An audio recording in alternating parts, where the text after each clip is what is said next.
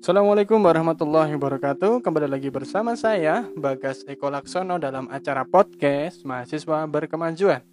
Pada podcast kali ini kita akan membahas suatu hal yang menarik yakni mengenai mencari makna baru saum di tengah wabah COVID-19.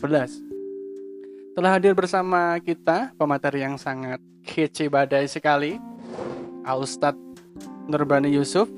Selamat malam, Kiai. Gimana kabarnya? Beliau adalah uh, Ketua MUI Kota Batu, juga sebagai Direktur Utama ATV Batu. Oke, baik langsung saja. Kali ini uh, sebagai pengantar bahwasanya Alhamdulillah hari ini di Ramadan 1441 Hijriah kita masih bisa merasakan saum dan masih bisa merasakan nikmatnya berbuka bersama namun di sisi lain kita juga turut berbelasungkawa karena atas meninggalnya saudara-saudara kita yang hampir 900 pada hari ini karena wabah COVID-19 ini. Semoga almarhum, almarhumah diberikan tempat yang terbaik, diterima semua amal ibadahnya dan diampuni dosa-dosanya. Kenalkan, eh, saya Bagas Eko akan memandu podcast ini selama kurang lebih 30 menit ke depan. Beberapa hal mengenai Ramadan dan COVID-19 ini bahwa sejatinya semua hal yang di bumi ini telah dinaskan oleh Allah Subhanahu wa taala termasuk datangnya wabah COVID-19 ini. Kita sebagai umat muslim di bulan Ramadan ini juga diharuskan untuk menjalankan ibadah wajib yakni puasa Ramadan. Menurut Kiai, Bagaimanakah sebenarnya makna puasa di tahun ini?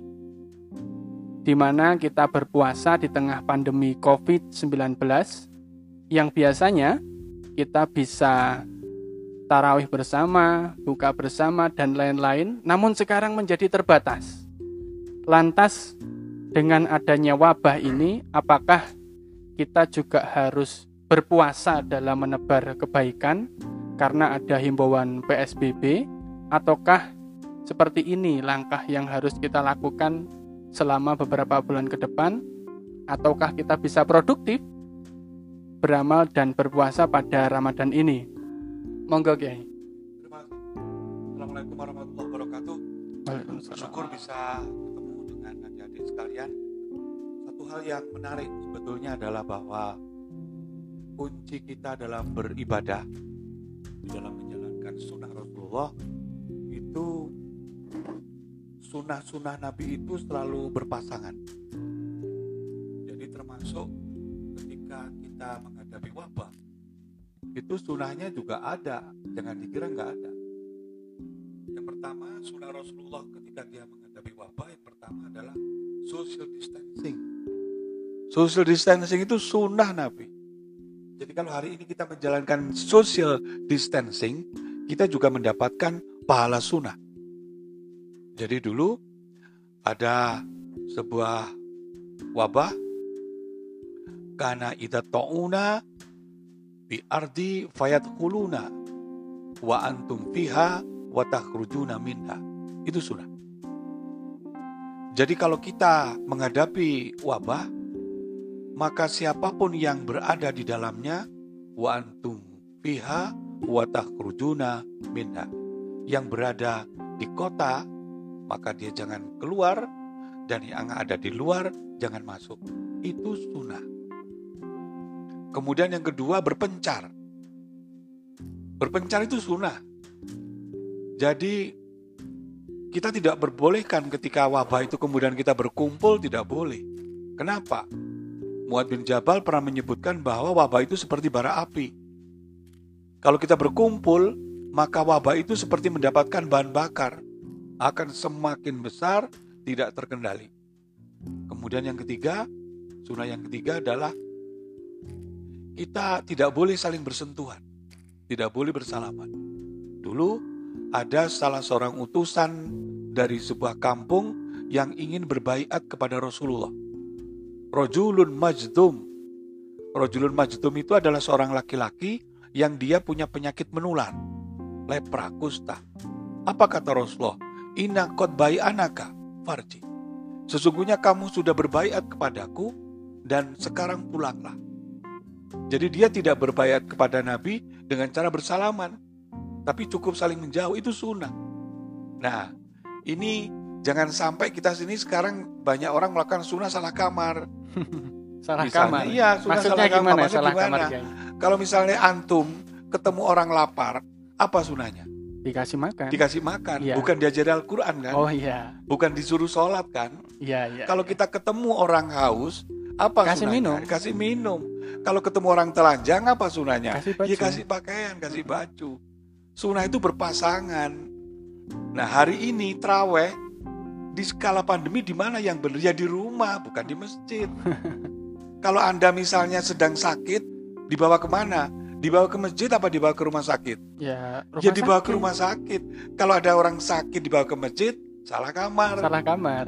Meskipun masjid pahalanya besar, tapi nggak pas. Nah ini, ini. Iya. Berarti intinya kita berikan sesuatu sunnah itu dengan pasangannya masing-masing Iya. sesuai. Dengan sesuai Jangan yang, yang sampai relevan, kita- yang pas. Berikan kita pengennya sunnah tapi tidak tepat. Iya Nah, tidak seperti tepat. itu. Heeh. Terus seperti ini Bapak. Terkait tepat dan tidak tepat tadi, terkait pas dan tidak pas, pendapat Bapak mengenai langkah-langkah yang dilakukan oleh ulil amri kita dalam ini pemerintah dan juga di satu sisi kita juga sebagai warga persyarikatan hmm. Langkah-langkahnya apakah kira-kira sudah tepat dengan himbauan ibadah di rumah dan eh, social distancing atau physical Hmm. distancing ini? Kira-kira sudah. Menurut saya sangat tepat. Artinya pemerintah sudah melakukan kewajibannya. Kemudian majelis ulama juga sudah melakukan kewajibannya. Muhammadiyah juga sudah melakukan kewajibannya, memberikan fatwa, memberikan himbauan, dan jangan lupa fatwa-fatwa yang diberikan oleh majelis ulama, fatwa-fatwa yang diberikan oleh PP Muhammadiyah itu multidisiplin, bukan fatwa personal, bukan fatwanya takmir masjid, Nah, bukan fatwanya kiai, tapi ini fatwa yang lintas ilmu, lintas. Dan sekarang ini kan fatwa-fatwa yang seperti itu dipatahkan oleh Pak RT, fatwanya loh itu fatwanya PP Muhammadiyah itu dihadiri oleh ratusan ulama terdiri dari berbagai macam disiplin ilmu. Nah, ini makanya tadi saya bilang loh, jangan sampai salah kamar. Apa salah kamar? Yang menentukan seseorang itu sehat atau sakit itu bukan ulama ahli tafsir, bukan ulama ahli hadis, tapi tabib. ahli tentang Nah, penyakit, ahli Apalagi virus. takmir. Wong takmir masjid kok bisa menentukan jamaah itu sehat apa sakit. Nah, satu hal lagi. Ada satu kaidah fikih yang menyatakan bahwa darul mafasid muqaddamun ala jalmil basoleh. Jadi mendahulukan apa? Menghindari, menghindari kerusakan lebih didahulukan itu lebih didahulukan daripada, daripada mewujudkan yang maslahat yang kebaikan. Maka dalam pandemi ini berlaku sebuah apa? Sebuah stigma bahwa semua orang pas saat pandemi semua orang dikatakan sakit sampai ada keterangan yang menyebutkan dia sehat. Nah, pada saat normal semua orang dinyatakan sehat sampai ada keterangan yang menyatakan dia sakit. sakit. Nah ini ini penting loh. Nah sekarang ini kan kita enggak, kita enggak. Misalnya lagi itu orang ada mengatakan bahwa mati hidup sudah urusan Allah. Iya, benar. Kalau waktunya mati ya mati. Waktunya mati ya mati. Tapi satu lah coba ini. Mati hidup itu sudah ditentukan oleh Allah. Kapan waktunya, di mana, tempatnya, semua sudah ditentukan. Tapi jangan dijemput. Tidak boleh menantang. Menjemput mati namanya bunuh diri. Oh iya iya. Rezeki juga sudah ditetapkan oleh Allah. Berapa besarnya, bentuknya seperti apa. Tapi harus dijemput. Jangan Menjemput ditunggu. rezeki namanya ikhtiar. Oh iya. Ya toh? Iya iya. Menjemput maut namanya bunuh, Bunuh diri. diri. Menjemput rezeki namanya ikhtiar. ikhtiar. Ya, berarti ada hal yang harus kita lakukan dalam rezeki dan dalam untuk ketika pandemi ini kita juga harus ikhtiarnya dengan menjauhi penyakit tersebut. Namun mengenai fenomena tadi menarik, Ustadz. terkait eh, pembangkangan atau dalam artian dalam tanda kutip menegasikan apa-apa yang sudah ditetapkan oleh MUI ataupun oleh pimpinan ataupun oleh negara khususnya di Muhammadiyah ya Hmm, ini kita hmm. mau khusus di Ya, Muhammadiyah terkait eh, penolakan fatwa tadi apakah memang hal ini merupakan hal baru di lingkungan persyarikatan atau memang ada sudut pandang lain yang memang mengatakan ini hal biasa dalam penolakan-penolakan fatwa seperti ini Hmm, hmm, hmm. Saya justru melihat ini fenomena baru di Muhammadiyah.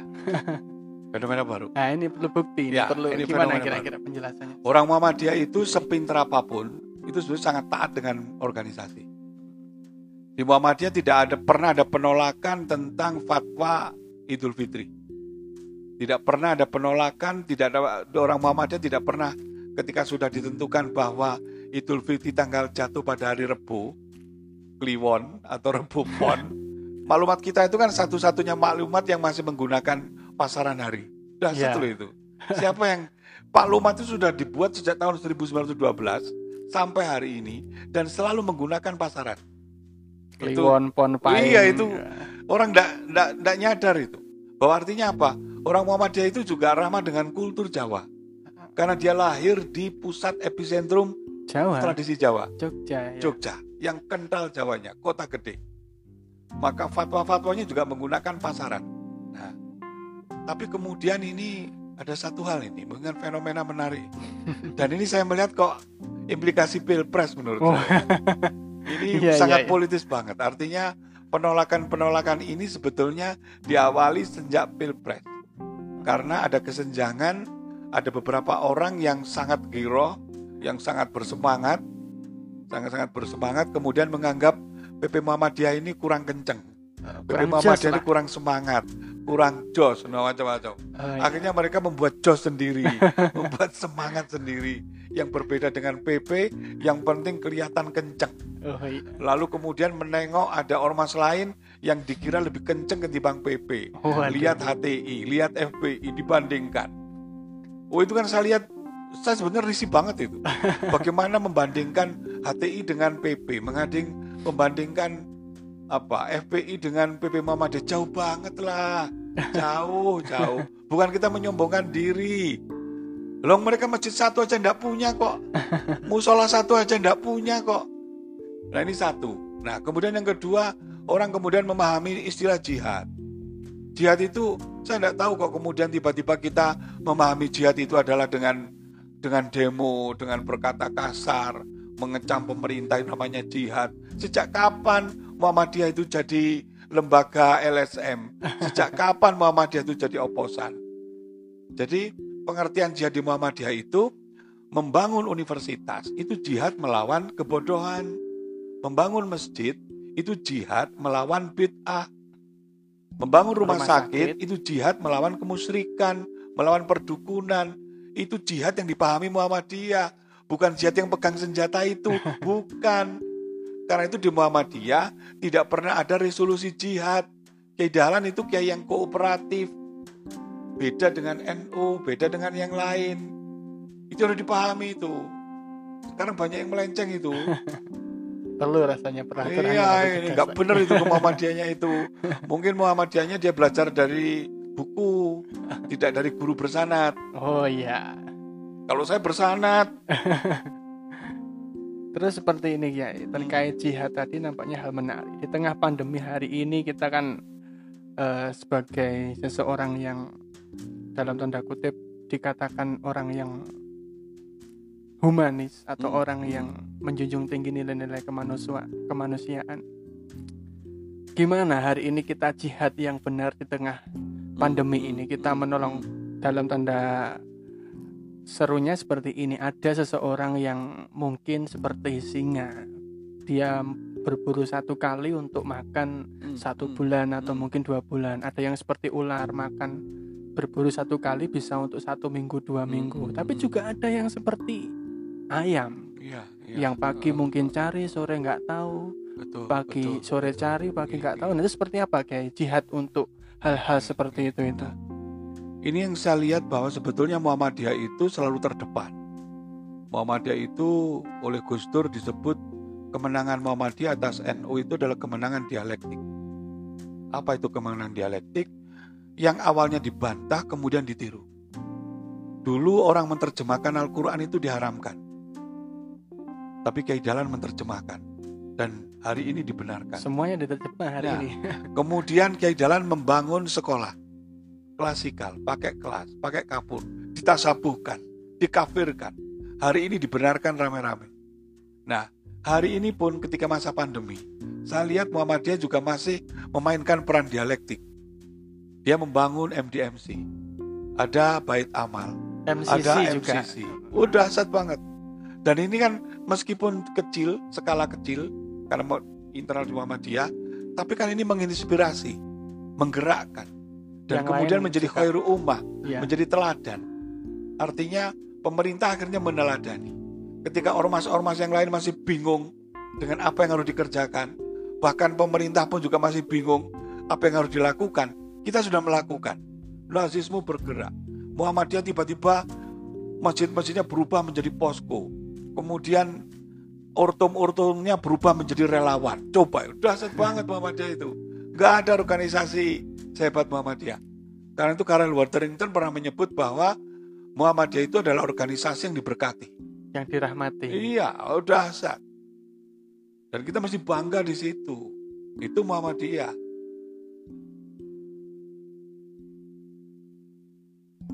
Kemudian untuk ini Ustaz, terkait yang selanjutnya bahwasannya kan kita selalu menjadi yang terdepan, kemudian selalu menjadi yang eh, memberikan contoh lah ibaratnya daripada Hmm. yang lain. Kemudian menyangkut tentang pemerintah, akhirnya dicontoh oleh pemerintah dan sebagainya. Nah, eh, hari ini sebenarnya pemerintah itu apakah sudah siap atau memang sengaja untuk tidak disiapkan dalam artian kan kalau sesuai dengan undang-undang bahwasanya ketika dalam tanda seru lockdown itu pemerintah harus memberikan makan tapi Hmm. kita ganti dengan yang namanya dulunya social distancing physical distancing hari ini dengan PSBB yang awalnya dulu tidak boleh PSBB akhirnya sekarang ikut PSBB apakah pemerintah sebenarnya belum siap menghadapi ini Hmm, hmm. Saya pikir begitu. Mungkin ini estimasi saja lah. Saya tidak punya data yang akurat. Pertama begini, undang-undang yang menyatakan lockdown, maka pemerintah punya kewajiban memberi makan minum kepada rakyatnya. Bukan hanya pada rakyat, bahkan memberi makan kepada Ternak. binatang, ternak. Ya. Nah, saya lihat, mungkin saya tidak tahu. Taruhlah kita lockdown selama dua minggu atau selama satu bulan. Punya tidak pemerintah ini uang untuk menyediakan itu? Ini kan mungkin sesuatu sesuatu yang sacred lah. Artinya kalau ini dibuka secara umum juga akan melihat orang akan lihat bagaimana kondisi negara, orang jadi pesimis misalnya. Negara kita ternyata nggak punya apa-apa nah misalnya. itu Tapi kemudian ketika tidak dilakukan seperti itu rakyat jadi korban. iya kasihan Rakyat jadi korban. Saya malah sekarang agak sudon gitu. Pemerintah kita ini malah sekarang melakukan herd immunization. herd immunization Iya. Artinya kita dikongkon golek selamat dewi-dewi. sementara ini Iya, ini kita suruh cari selamat sendiri-sendiri. Kemarin misalnya ada tidak tahu ho- hoax apa tidak ketika Pak Presiden menyatakan kita akan berdamai dengan corona misalnya. Saya tidak tahu itu benar apa tidak. Tapi menurut saya itu juga sinyal sebetulnya. bahwa sebenarnya Sebenarnya kita, kita kita ini sebenarnya disuruh golek selamat dewi-dewi. iya, Nah ini yang satu hal makanya kita harus hati-hati di situ. Ketika lockdown pun itu saya lihat kan juga tidak seketat banget. iya, Lockdownnya juga lockdown mandiri. juga. Di sini orang juga masih boleh berkumpul dibiarkan. Artinya apa? Jangan-jangan kita ini memang memang sengaja dibiarkan, nah itu dibiarkan. Makanya ini penduduk harus hati-hati. Kita jangan masuk di masuk yang di dua setengah persen itu yang bakalnya akan mati itu. masuk yang 97 Iya. koma aja Iya, jangan masuk yang 97 itu kan kita harus berarti kan harus mandiri. Artinya kan lockdown kita diterapkan kan lockdown mandiri. iya Berarti kan yo mandiri itu bukan hanya soal keuangan, tapi juga keselamatan. Golek selamat dewe itu kuwi mandiri, cari makan sendiri yo mandiri gitu. Banyak kan kemudian ada buku bagus itu. Aaron Aaron Snow mengarang buku apa orang Yahudi yang menyatakan kenapa kok orang-orang baik itu selalu tertimpa musibah? Kenapa kok orang-orang miskin ini yang paling terdampak? Ini kan yang paling terdampak itu kan kasihan Ya, orang-orang orang yang ya orang-orang yang berkekurangan itu yang pagi makan sore tidak yang sore Iya. tidak pagi jenis-jenis makan. ayam tadi. mereka insya Allah mau kok sebetulnya lockdown. Mereka mau kok tinggal di rumah. Tapi kenapa mereka keluar rumah? Ya karena terpaksa harus mencari makan. Dan saya sesungguhnya akhirnya husnudon saja. Bahwa penyakit ini virus ini menurut saya bukan untuk orang miskin ini Harusnya saya untuk orang berdoa, kaya. saya berdoa virus ini bukan untuk orang miskin, tapi orang untuk orang-orang menengah ke atas saja yang dihabiskan dulu. Dan saya berpikir begini, ini kon- konteks Jabariyah ya, Jabaria, Bikin orang-orang Jabaria. Jabaria ini orang gimana? Jabariyah gini. Ya virus corona itu udah punya nama, udah bernama. Jadi meskipun kita sembunyi di bawah kamar, kalau namanya sudah tertera dia akan didatangi. Karena menurut saya virus corona itu kan semacam malaikat Israel yang akan mencabut Menjemput. nyawa, menjemput nyawa. Di mana pun kita berada kita akan dijemput. Gak Kalau- usah bersembunyi. Kalau sudah masuk Kalau list. sudah masuk daftar list itu masuk waiting list, daftar tunggu ke mana pun kita akan dijemput. Tapi ini konsep Jabaria ya. Konsep Jabaria. Jabaria. Kodariahnya Iya, beda lagi nanti. Kodarinya kita ikhtiar, kita ikhtiar, kita lawan. Iya, iya, iya. Kita tutup pintu rapat-rapat, kita cuci tangan sebersih-bersihnya. Itu kan kodarianya begitu. Iya. Kalau melihat dari sejarah, Hmm. ya dulu kan zaman tadi seperti yang Yai jelaskan dulu juga ada wabah. Hmm. Kalau dari segi kepemimpinan Islam dari entah sampai Nabi sampai terakhir ke Khalifahan, bagaimana sih sebenarnya pemerintah khalifah-khalifah zaman dulu, pemimpin-pemimpin zaman dahulu itu menangani wabah-wabah seperti ini selain menjauhi dan taktisnya seperti apa? Seperti Sebetulnya mereka disuruh tinggal di gunung-gunung, berpencar di gunung-gunung. Ya, seperti itu zaman Khalifah Umar bin Khattab cuman disuruh tinggal di gunung-gunung. Dan jumlah waktu itu namanya kota itu kan penduduknya nggak lebih dari 10 ribu. kecil Mas ya. Kota loh sudah. Iya, Nah sekarang 10 ribu itu kan desa. desa. Makanya sebetulnya konteks jangan masuk kota, keluar kota itu ya menurut sekarang ya desa. Jangan keluar masuk desa. Jangan masuk desa gitu loh. Kecil banget. Nah sekarang ini apalagi penduduk sekarang Indonesia. Indonesia ini secara geografis rumit, sangat rumit. Dan kemudian apalagi kalau lockdownnya juga tidak tidak serentak. Lock- Jakarta lockdown, Bandung tidak, Bogor tidak. Begitu Jakarta selesai, Bandung baru lockdown. Terus saja begitu. Makanya kan sebetulnya kalau kita serentak, mungkin 20 Bareng-bareng. hari satu bulan selesai. Selesai. Tapi karena nggak serentak, akhirnya jadi satu bulan, jadi dua bulan, jadi tiga bulan. Dan ini menurut saya nanti 4-5 bulan ke depan Masih ada lagi ini. wabah berikutnya. Oh, Bukan wabah corona mungkin, tapi wabah ekonomi. wabah Akan ada resesi kelaparan. global. Iya, wabah kelaparan, busung lapar. Ada uang tapi nggak ada barang. Dan ini harus hati-hati gitu. Ini saya pikir ini bukan bukan persoalan yang akan selesai, tapi harus kita hadapi bersama-sama. Mari berhemat, berhemat makanan, berhemat minuman. Itu ini puasa puasa kita di kala pandemi itu kita kan masuklah ke spiritualitas. Misalnya Allah sepertinya akan menginstan ulang semua yang kita lakukan. Big restart iya, lagi. iya, restart lagi. Dulu sholat terawih itu kan juga dilakukan di rumah-rumah, nggak pernah dilakukan di luar. Baru kemudian dilakukan di luar. Kemudian mas- masanya Khalifah Umar bin Khattab jadi seperti sekarang. Iya. Nah sekarang dikembalikan lagi ke rumah. Hari ini kita menjemput Lailatul Qadar di rumah. Menjadi imam bagi istri, bagi anak, Nah, bagi di rumah. Termasuk audit berapa hafalan surat pendek yang kita hafal. murojaahnya di Iya, rumah lagi. Kemarin ada teman saya, aku tidak berani ngimami anakku. Kenapa? Hafalanku ternyata cuma tujuh surat. Tidak cukup untuk 11 rakaat. Itu kan Iya. saya ketawa aja tuh gitu. Dan Kembali ini- lagi kulhu iya, lagi nanti. Kembali ke kulhu lagi. Nah ini realitas loh itu. Iya. Realitas kehidupan kita seperti itu. Artinya kita senyumin aja lah hidup ini. Berarti juga hikmah-hikmahnya kita kembali murojaah di rumah Iya, lagi, kembali iya, iya. eh, berkumpul lagi bersama keluarga, Betul, anak istri nggih, seperti nggih, itu. nggih. Tapi juga anak istri butuh makan juga. Iya, iya. Dan saya ini jujur secara personal, saya juga semakin melihat betapa susahnya seorang istri di rumah. Hari ini kan saya bisa membantu istri mulai pagi sampai petang, Iya. mulai menyiapkan sahur. Itu nggak ada pekerjaan nggak ada rumah kok. Iya, iya. Ternyata menyiapkan sahur itu berat banget deh, Berat banget. berat banget. Habis itu kemudian cuci piring berat banget juga. Kemudian po sore mulai jam 3 sore harus sudah menyiapkan buka. Bukan. Masya Allah. Belum lagi nyapu, Belum lagi nyapu, nyuci. Nah, Lah, ternyata pekerjaan istriku seperti itu ya tiap hari. Selama ini kan enak saja saya. Pulang, dek mana baju, dek mana celana. Masya Allah, sekarang diubah lah, semuanya diubah. diubah. Berarti nilai-nilai saum hari ini bukan hanya lagi kita menahan dari lapar dan Hmm, haus itu, hmm, tapi ya, juga ya. kita belajar menjadi seseorang yang benar-benar menghargai Ya, sesama, betul menjadi manusia lah. menjadi manusia. Kita beragama ini hanya menjadi manusia.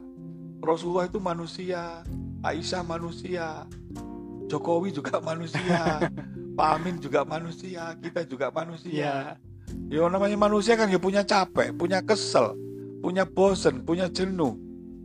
Kalau sudah dihimbau berkali-kali dan tidak taat, kira-kira apa yang terjadi? Musibah biasanya. Ya dibiarkan. Nabi aja pernah kok mutung. Nabi pada haji wajah itu pernah mutung. Sudah pernah Nabi pernah bilang, kalau kamu belum tawaf jangan tahalul dulu. Tapi beberapa orang langsung tahalul. Ditinggal ya. Nabi sudah dibilangi jangan tahalul, kok masih tahalul saja. Nabi langsung masuk kemah tidur. Lo Nabi itu lo mutung. Terus diingatkan oleh istrinya Rukoyah itu. Nah sekarang ini sudah diingatkan jangan keluar rumah masih keluar, jangan sholat di masjid tambah nantang, jangan bersalaman tambah dibuat-buat terus ya apa? ya menurut saya aku tadi presiden ya bah kono. Terserah lah. Terserah lah, yang penting aku gugur kewajiban. yang penting saya sudah memberi nasihat, saya sudah memberikan misalnya Tuhan nanti bertanya itu rakyatmu kok masih sholat Jumat?